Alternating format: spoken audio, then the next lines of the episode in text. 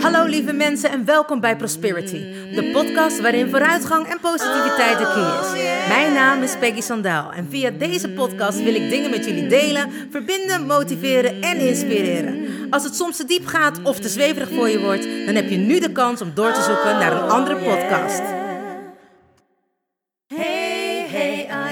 Still there? Do you want to listen or just don't care? I'm singing my song and talking my talk. Talk the way you're feeling and walk my walk. I'm here to share, connect and give. All I've got, I call it God's gift. So listen and learn and do what's good for you. I have no expectations, but I share, care and give my love to you. Hey, wat super! Je bent er nog. Nou, welkom gelijkgestemde. Ik heb er zin in. Let's go! Oh yeah. Wanneer je al die jaren zo op jezelf bent aangewezen, dat je eigenlijk nooit op andere mensen durft te leunen of kan leunen, dan is het soms heel moeilijk om groot te zijn door klein te zijn. En wat bedoel ik daar nou precies mee? Nou, mijn motto van mijn bedrijf is sharing is caring. Dus ik deel zoveel mogelijk met mensen, zodat zij onafhankelijk van mij worden. Zodat zij zelf de lessen en de dingen die ik aan hen geef kun, kunnen toepassen. Dit komt eigenlijk omdat ik, nou, toen ik ooit begonnen was in mijn spirituele eh, reis, ben ik afhankelijk geweest van iemand. En het nare was dat het voor mijn gevoel totaal opblies in mijn gezicht. Na tien jaar lang bij die persoon geweest te zijn, ja, heeft ze eigenlijk mijn vertrouwen zo enorm beschadigd dat ik heel lang dus niet meer bezig wilde zijn met spiritualiteit. Ik wilde er absoluut niets meer mee te maken hebben. Het was een soort van vloek. Het leek wel of dat ik een of ander nieuw geloof aan moest hangen en dat werkte totaal niet meer voor mij. Uiteindelijk ben ik door een collega slash vriendin van mij weer in contact gekomen met mezelf en met spiritualiteit. Ik hoorde toen echt, er is niemand die jou nog iets kan leren. Alle lessen zitten in jou. Je mag ze alleen ontwikkelen. Nou ja, zo gezegd, zo gedaan. En niet dat ik niks meer te leren had natuurlijk. Ik bedoel, kom op. Er was nog zoveel te leren op spiritueel niveau. Maar als in dat ik het mocht leren, maar niet het meer buiten mezelf moest leggen. Dus dat ik niet op zoek moest gaan naar een god of een guru of iemand die mij continu mijn hand vast zou houden. Want het was namelijk zo erg geworden dat ik niets meer zelf durfde te doen, niets meer zelf durfde te beslissen. Alles wat ik dacht, liet ik afhangen van die persoon. Wat in het begin heel fijn was, maar het betekende dus eigenlijk dat ik gewoon mijn spirituele verantwoordelijkheid niet durfde te nemen. Of sowieso mijn verantwoordelijkheid gewoon niet durfde te nemen. En het rare is dat ik niet beter weet dan verantwoordelijkheid nemen. Ik ben immers opgevoed bij pleegouders. Ik noem het altijd wensouders omdat ik pleeg echt een kutwoord vind. A. Pleeg volstaat niet voor wat mijn ouders met mij hebben gedaan. En B. Ik vind het gewoon echt een heel naar woord. Ik bedoel, zonder mijn wensouders had ik vandaag de dag niet geweest wie ik nu ben. En ik had waarschijnlijk al die mogelijkheden niet kunnen krijgen. Want God, wat hebben die mensen mij een hoop opportunities gegeven, een hoop kansen gegeven. En daar ben ik ze tot op de dag van vandaag nog steeds enorm dankbaar voor. Maar goed, verantwoording nemen. Kijk, wanneer je ouders nog leven, dat is ook een beetje een, een ding. Wanneer mijn, toen mijn ouders nog leefden, en ik was echt gezegend met twee paar ouders. Dus twee vaders en twee moeders. En daarbij maak ik gewoon altijd mijn eigen familie. Dus ja, ik heb nu ook nog wat ouders rondlopen. En dat zijn echt mensen die me net zo hard op mijn kop geven. Die me echt aanspreken op de dingen die ik doe. En die ook voor me juichen en die me steunen. Nou, en dit laatste, daar wilde ik het eigenlijk echt over hebben. Ik ben wel vanaf jongs af aan echt gewend om zelfstandig te zijn, om dingen zelf te doen, de verantwoordelijkheid dus te nemen en ook te krijgen. En op de een of andere manier, toen ik jong was, vocht ik altijd voor mijn broertje. Uh, dus als hij dan ergens niet aan mee mocht doen, dan was ik degene die het voor hem opknapte. Nou, ik denk dat je het natuurlijk al kan raden hoe het verhaal dan afliep. Het was dan meestal zo dat hij dan wegliep met degene waar ik mee had gevochten voor hem. En ik mocht dan niet meer meedoen. En ik ben opgevoed bij mijn wensgezin met drie te gekke, stoere wensbroers. Nou, en als je tussen broers leeft, dan moet je natuurlijk wel een beetje je mannetje weten te staan. En het was ook gewoon altijd alles zelf eerst proberen. Lukt het niet, kun je om hulp vragen. En dat is natuurlijk, als je zo opgevoed bent, is het vrij moeilijk om eigenlijk echt eens een keer om hulp te vragen. En ik zeg altijd sharing is caring. Dus ik was altijd van het delen. Wat, wat ik meemaakte of wat ik had, dat deelde ik ook. Vrienden van mij hebben altijd een mooi gezegde. Als je niet kan delen, kun je niet vermenigvuldigen. En als je doet wat je deed, dan krijg je wat je kreeg. Ik vind dat een hele mooie. Toen ik klein was, leerden mijn ouders me eigenlijk altijd al alles delen. Nou, voor mijn gevoel hoefden ze me dat niet te leren, want ik vond het altijd heerlijk om te delen. Ik vind het heel fijn als mensen blij worden als ze iets krijgen. Het is heel grappig. Uh, als ik jarig ben, of toen ik jarig was, ik werd 40. Zeg dat goed? Ja, ik werd 40 en toen gaf ik een feest. Toen ben ik eerst dan met mijn man de stad ingegaan. En ik moest nog even snel iets hebben. En uiteindelijk kocht ik voor mezelf iets heel kleins. En heb ik voor hem echt, geloof ik wel, vier outfits gekocht. En niet dat het gaat om de waarde van het geld, maar ik vond het gewoon zo fijn om hem blij te zien. Ik bedoel, mijn man is 2 meter 4. Die had altijd alleen maar dure kleding, omdat hij gewoon niet wist dat je ook goedkoper kon shoppen. En ik vind dat echt een sport. Ik moet wel zeggen dat de gemiddelde broek voor hem 150 euro kost. En dat, maar hij zegt ook altijd, ja, eh, het eerste wat je bij mij ziet zijn benen. Dat klopt ook. Als je 2 meter 4 bent en zijn benen komen ongeveer tot aan mijn nek, ja, dan is een goede spijkerbroek natuurlijk wel iets van belang. Want daar loop je in, daar word je in gezien. Maar dat is eigenlijk dus wat ik bedoelde met delen. Ik vind het te gek als ik zelf naar de stad ga en iets aan iemand anders kan geven. Of als ik, nou ja, mijn eten heb en ik denk, oh, dat is zo lekker, dit moet je echt proeven. Dan ben ik bijna altijd andere mensen aan het voeden. En dan denk ik, oh ja, ik moet zelf ook nog een hapje eten. En sinds kort ben ik veel opener en deel ik van alles met iedereen. Waarvan sommige mensen wel eens zeggen: Jeetje, wat knap dat je dat deelde. Maar ik krijg er zulke mooie, lieve reacties voor terug. Het maakt me ook eigenlijk niet meer uit hè? of dat, dat iemand er nou iets van vindt. Je mag er iets van vinden. Want ik bedoel, daarom deel ik het ook. Want het heeft er namelijk mee te maken sinds dat ik mijn spirituele coming out heb en het ook aan iedereen vertel. Sta ik zoveel meer in mijn kracht, ben ik echt wie ik, wie ik wil zijn. En als je nog onzeker bent over wie je wilt zijn of wie je wilt worden, dan twijfel je en dan trek je ook die mensen aan. Vanaf het moment dat ik open ben, loop ik echt rete goed.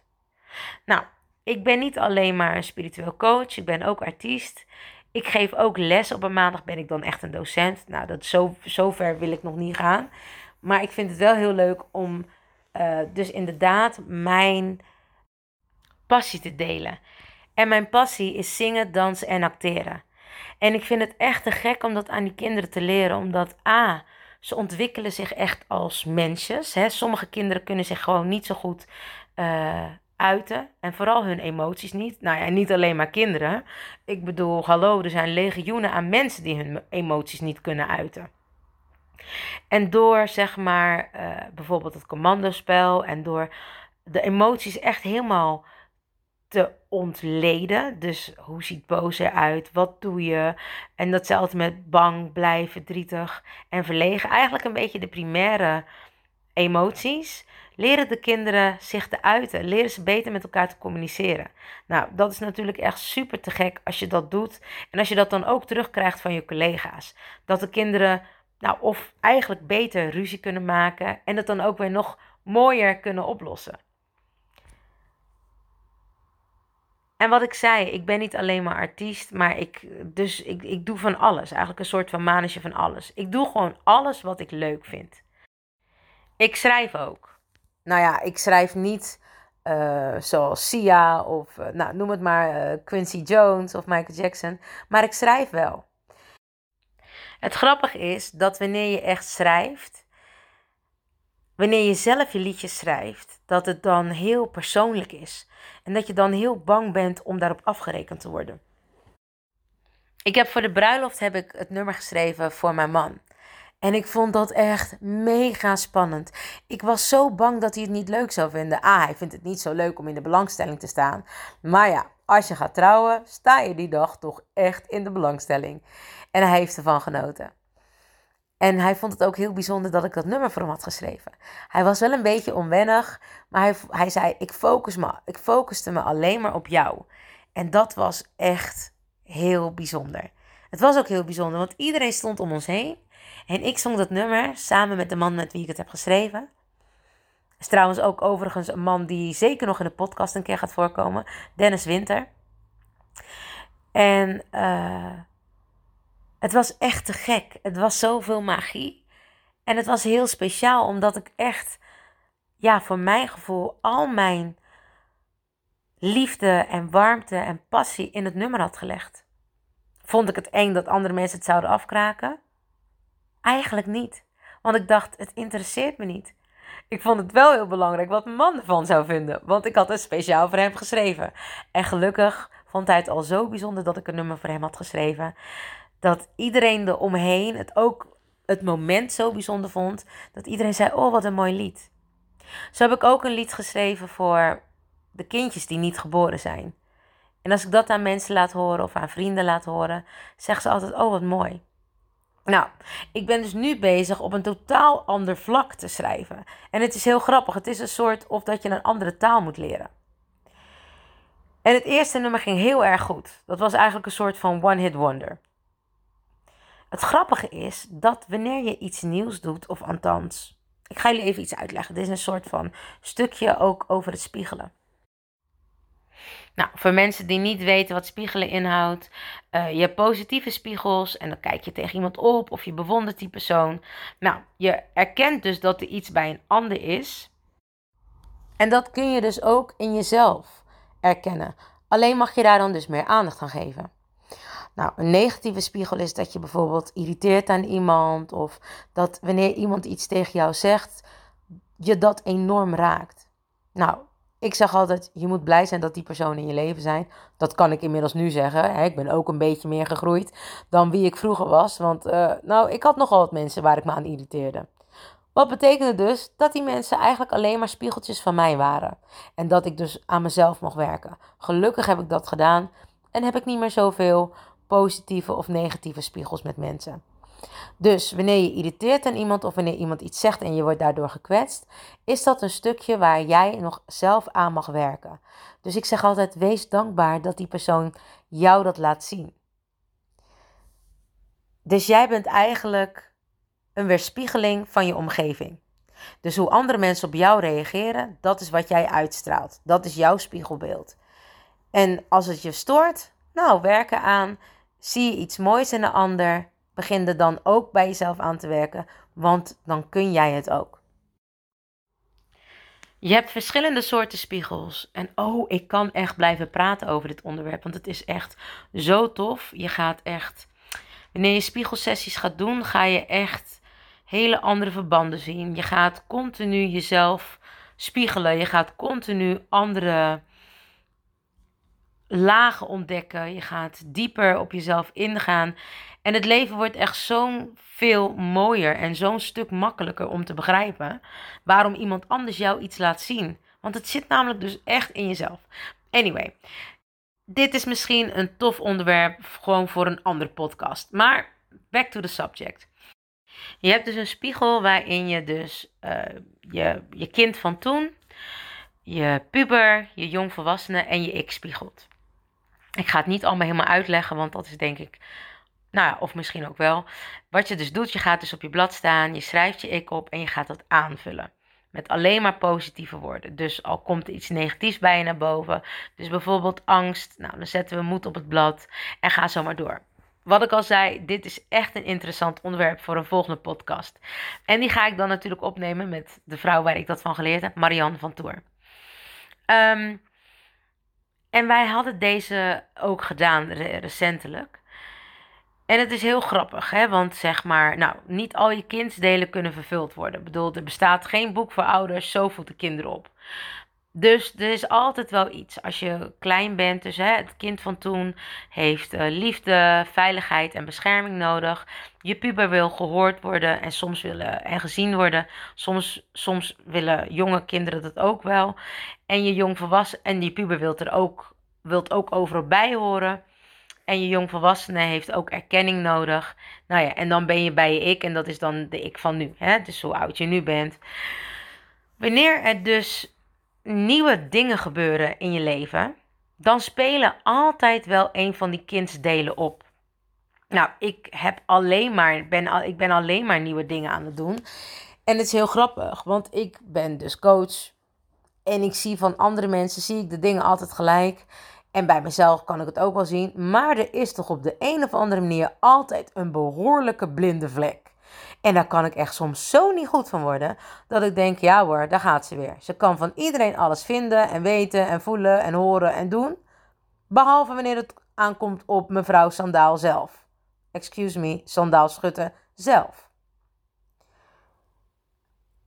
Maar daarvoor heb je gelukkig altijd andere mensen. En dat is waar ik het dus over wilde hebben. Ik heb mijn collega's, mijn docent gebeld en we hadden een soort van intervisie met elkaar. doen we eens in de zoveel tijd. Dan gaan we met elkaar zitten en dan gaan we gewoon even zeggen: Nou, waar heb jij last van? Wat wil jij doen? En het is zo fijn wanneer je een groep hebt. En heel vaak zie je dat dus echt met vrouwen onder elkaar. Of, hè, nou ja, ik vind dat inderdaad echt vrouwen onder elkaar kunnen elkaar zo afzeiken. Of elkaar niet supporten. Of zeg maar mensen in dezelfde beroepgroep. Of mensen van hetzelfde ras. Of mensen van, nou ja, neem het. En het is soms zo gek. Ik snap niet waarom dat is. Ik weet nog wel toen ik in het theater zat. En eigenlijk vind ik, als je met elkaar zorgt dat je ongeveer evenveel verdient, dan heb je nooit uh, verschil. En tuurlijk, bedoel, de een is wat beter of zit langer in het vak. Tuurlijk hoort hij dan iets meer betaald te krijgen. Maar het is eigenlijk een beetje een soort van, als je de beste manager hebt, dan kun je ook het meeste verdienen dat is natuurlijk heel fijn als je dat kunt betalen. Maar eigenlijk als je gewoon talent hebt, moeten mensen voor je talent betalen. En zo zou het eigenlijk moeten werken. En niet als je een goede manager hebt die weet hoe de, de slagen van de zweep werken. Dat je daardoor altijd maar gezien en gehoord kan worden. En mensen die dat niet kunnen betalen, die waarschijnlijk dan veel meer talent hebben. Of niet waarschijnlijk, maar die ook heel veel talent kunnen hebben. Of nog wel meer, of net zoveel. Die worden dan niet gezien omdat ze niet een goede manager hebben. Daarom ben ik echt een voorstander van om je salaris met elkaar te delen. Dus om te zeggen: hey, wat verdien jij of wat kun je hiervoor vragen? Weet je, je hoeft, niet je hoeft niet per se te zeggen wat je verdient. Mijn moeder zei altijd: mensen liegen over twee dingen: dat is hun seksleven en hun salaris. Nou, en ik moet je eerlijk bekennen dat daar toch wel een kern van waarheid in zit. Ik moet eerlijk zeggen dat ik vrij open ben over mijn seksuele relatie met mijn man naar mijn vrienden toe. En uh, ook over mijn financiële zaken als mensen het me vragen. Dan heb ik daar niet echt een geheim over. Ik bedoel, als je het vraagt, krijg je gewoon een antwoord. Ik snap niet zo goed waar die gêne of waar de schaamte vandaan komt om dat met elkaar te delen. Maar ook zeg maar, ik had een soort van, nou ja, gevoel dat ik een writersblok had. Of dat ik ineens niet meer goed genoeg was. Ik was aan het schrijven, aan het schrijven. En ik dacht, nou, ik heb het helemaal gevonden. En ik moet het zo en zus doen. Het was totaal niet goed. Ik werd iedere keer kreeg ik te horen dat het niet goed was. Of dat ik het niet goed deed. Nou ja, mijn jonge kind dacht: Oké, okay, dan niet. Dan gaan we het niet doen. Helemaal prima. Vind je me niet goed? Nou, dan toch lekker niet. Dan doe je toch lekker zelf als je het zelf zo goed kan. En ik vond het zo irritant. Ik kon gewoon niet meer bij mezelf komen. Ik kon gewoon niet bedenken, Pek, doe normaal. Komt allemaal goed. Iedereen heeft dit. Ga gewoon op YouTube kijken. Ga gewoon goed luisteren. Want ik had ook het idee dat ik het wiel een beetje opnieuw moest uitvinden. Ik heb altijd wel een beetje het gevoel als iedereen naar rechts loopt, wil ik naar links. Nou, dat heeft te maken met mijn incarnatiesfeer. Ik ben zwaar elemental. Ik hou van feesten. Ik hou niet van regels. Mijn motto is altijd: regels, die zijn er om verbroken te worden. Ehm, ik hou enorm van dieren, enorm van de natuur. Heb een mega rechtvaardigheidsgevoel.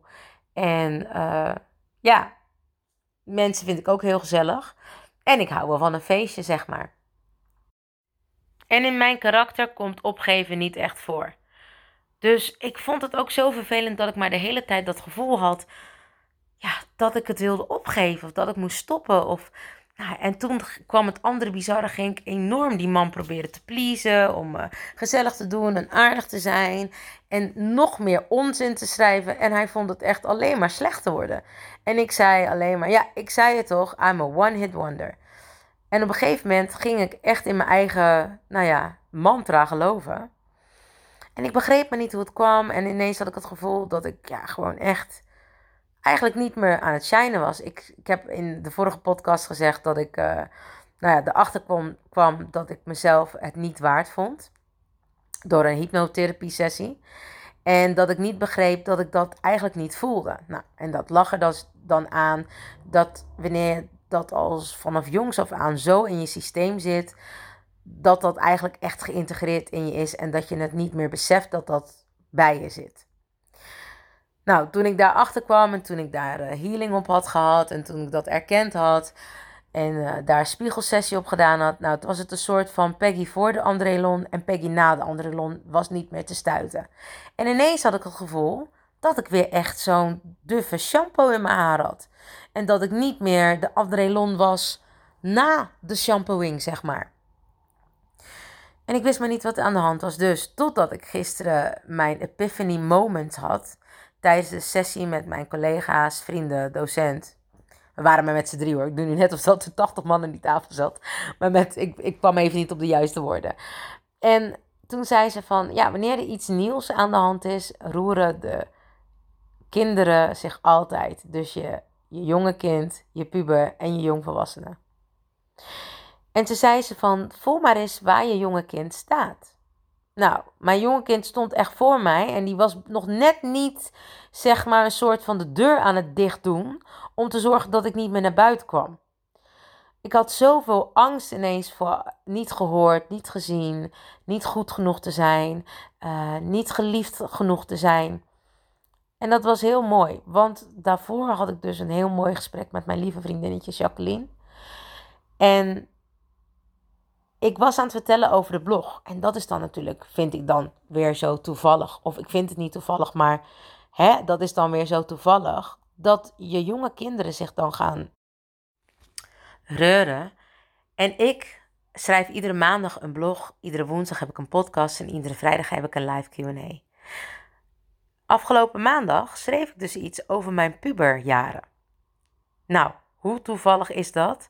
Als dus eigenlijk mijn onzekerheid naar boven komt, en dus niet mijn onzekerheid, maar ik begin dus in een nieuwe situatie. Dus ik ben voor het eerst, zeg maar, echt aan het schrijven voor andere mensen. Eerste keer ging gelijk hartstikke goed. En toen ineens voelde ik een druk komen van, oh oh, maar nu moet ik presteren. En wanneer dat dus nodig is, kwam dus gelijk de angst om niet goed genoeg te zijn, om afgewezen te worden, om ja, dat kleine kind maakte zich zo enorm druk, dus die kwam gelijk op de voorgrond. Nou, ik dacht wel, ik heb toen met die man gesproken en die zei: Joh, maak je niet druk, ik geloof dat je dit kan.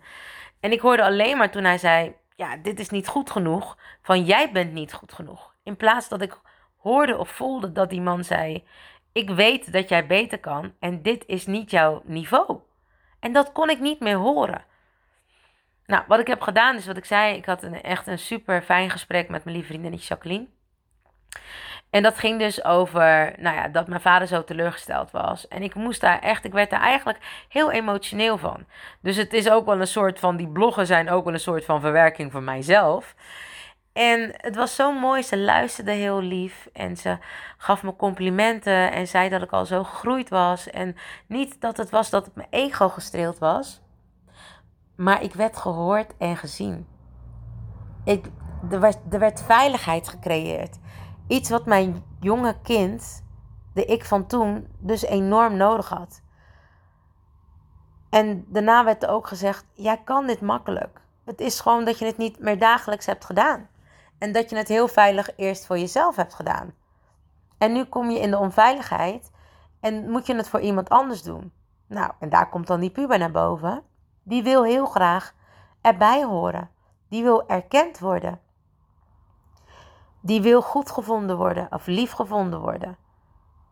Dus dat was heel mooi en het was zo fijn dat ze dat met mij deelde. En ze deelde ook dat zij de onzekerheden had. En ze deelde ja, nog meer van die dingen waardoor ik weer meer in mijn kracht te staan en in mijn zelfvertrouwen. Toen heb ik ook nog echt een te gekke vriend van mij gebeld, waar ik vroeger altijd mee gezongen heb. Lea Sherman. En nou ja, hij is echt een goede songwriter.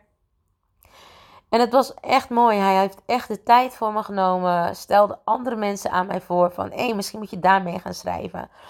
Het was echt wat ik altijd... practice what you preach. Altijd op andere mensen heel goed kon toepassen. Paste hij eigenlijk ineens op mij toe. Maar het was zo'n soort van... Ik kon even niet meer zien dat eh, in het coachen... of op het spirituele niveau... dat ik dat kon doortrekken naar mijn, naar mijn songwriting. En dat ik mocht beseffen wie ik was in de wereld. En waar ik mocht staan in de wereld. En wat ik wilde uitdragen. Dat is ook het tijdperk waar we nu in zitten. Dus het, het tijd van de ascensie. Dus het tijd van bezinning hebben wie je bent. Dus echt gaan staan voor jezelf. Kleur bekennen. Uh, weet hoe je, hoe, je, hoe je wie jij bent wil uitdragen in de wereld. En dat voelt ook echt zo. Ik ben me ineens veel meer bewust van wie ik aan het worden ben of wie ik zijn wil. En niet dat je echt een persoon wil zijn of hè, dat je, maar dat, het echt, dat je echt bent en dat je alle emoties kan voelen. En, maar hoe ga je daarmee om? Hoe draag je dat uit? En wat ik dus het mooie eigenlijk hier aan vind, wat ik eigenlijk wilde vertellen, is dat ik heel veel deel met mensen. Dat, hè, vrijdags een live QA, mijn blogs, mijn podcasten. En daar vertel ik echt mijn diepste geheimen of mijn diepste pijnen of mijn, ja, mijn ideeën, mijn waarheden, mijn, mijn visie. En mijn visie hoeft niet de visie te zijn van iemand anders. Maar ik deel het wel. En misschien raak ik daar iemand mee. Misschien hoort iemand zich of resoneert het met die persoon en, en, en voelt hij hetzelfde. Wordt hij gehoord, gezien, erkend. Alles wat dat kinddeel nodig heeft. En ik vond het zo mooi dat ik altijd het gevoel heb dat je, hè, als je iets aan iemand vraagt, dat je daarvoor moet betalen. Of dat je niet iemand zijn tijd, zeg maar, zomaar kan innemen. Maar voor het eerst vond ik dat ik dat wel mocht doen. Voor het eerst voelde ik hoe het was om groot te zijn door klein te zijn, door hulp te vragen. En niet omdat ik te arrogant ben of dat ik dat niet durf, of... maar ik had het nog nooit gedaan omdat ik voor mijn gevoel het nog nooit nodig heb gehad. En ook niet op een punt ben gekomen waarin ik echt iets wil bereiken. Waarin ik verder wil gaan dan in mijn comfortzone zitten. Ik wil uit mijn comfortzone gaan. Ik wil groter, ik wil meer. Ik wil groot, groter, groter deur. Ik wil niet meer klein blijven. Ik wil zichtbaar zijn. Ik wil andere mensen een voorbeeld geven hoe het kan. En daarom ben ik de mensen die me hebben geholpen, zoals Leon en Jacqueline, Marjan en Margriet en mijn man, enorm dankbaar. Annelies, mijn vader, mijn moeder, mijn broers, eigenlijk iedereen die mij spiegelt. Iedereen die mij aangeeft dat ik de beste versie van mezelf mag zijn. Dat ik mag zijn wie ik ben. En dat door met elkaar te delen, er veel meer dingen kunnen gebeuren. Om door niet bang te zijn om te delen, we kunnen vermenigvuldigen. En het klinkt dan soms heel gek wanneer je dit vertelt of vraagt. Want nee, ik vraag niet om complimentjes. En ik hoef ook niet te horen hoe goed ik ben of hoe goed ik het heb gedaan. Dat had ik vroeger zeker wel nodig. Maar ondertussen weet ik wel wat ik kan en wat ik waard ben en wie ik ben. Alleen wil ik dat nu nog meer exploiteren. Wil ik dat nog meer verbeteren. Wil ik dat nog groter maken. En mijn moeder zei altijd: wie goed doet, wie goed ontmoet. En uiteindelijk voelt het ook echt zo of dat je bouwt aan kleine stukjes in een piramide die uiteindelijk echt een grote piramide worden. En soms weet je niet waar het toe leidt wat je hebt gedaan. Of weet je niet waarvoor je dingen doet. Maar het lijkt wel of dat ik nu op, een, op mijn pad zit en die piramide langzaam in zicht is. En oh hell yeah, ik wil die top bereiken van die piramide. Nothing's gonna stop me now. Ik accepteer geen nee. Ik accepteer niet, ik kan dit niet. Kan niet, bestaat niet. Wil niet wel. En in het kader van Practice What You Preach dacht ik, dit is ook heel mooi om te horen dat ook al coach ik mensen, begeleid ik mensen, ik ook mijn onzekerheden heb. Bij mij ook mijn kinddelen niet altijd gehoord, gezien en goed behandeld zijn. En zeker wel door mijn wensouders, maar ook die maakten fouten. En dat is goed. Mijn moeder zei: Heb je wel eens iemand gezien die perfect is? Dan moet je heel hard weglopen. Dus imperfectie is een soort van perfectie. En dat maakt deze journey zo te gek. Dus, zoals mijn vrienden zeggen, als je doet wat je deed, krijg je wat je kreeg. Succes! Mensen, bedankt voor het luisteren naar Prosperity, de podcast met vooruitgang en positiviteit als de key. Heb je iets aan deze podcastaflevering gehad of denk je, ik ken vast iemand die hier iets aan heeft? Deel dan alsjeblieft de podcast, want ik geloof in sharing is caring. Ben je geïnspireerd en of gemotiveerd? Tag me dan met een screenshot via Instagram, deel het op je story of andere social media. Vergeet me niet te volgen, zodat je op de hoogte blijft van alle podcastafleveringen. En ik zou het te gek vinden als je de podcastaflevering opzoekt op Soundcloud of Spotify en laat een berichtje achter. Hoe meer berichtjes, hoe beter de podcast naar voren komt. En zo kunnen we met z'n allen een mooi ripple effect maken.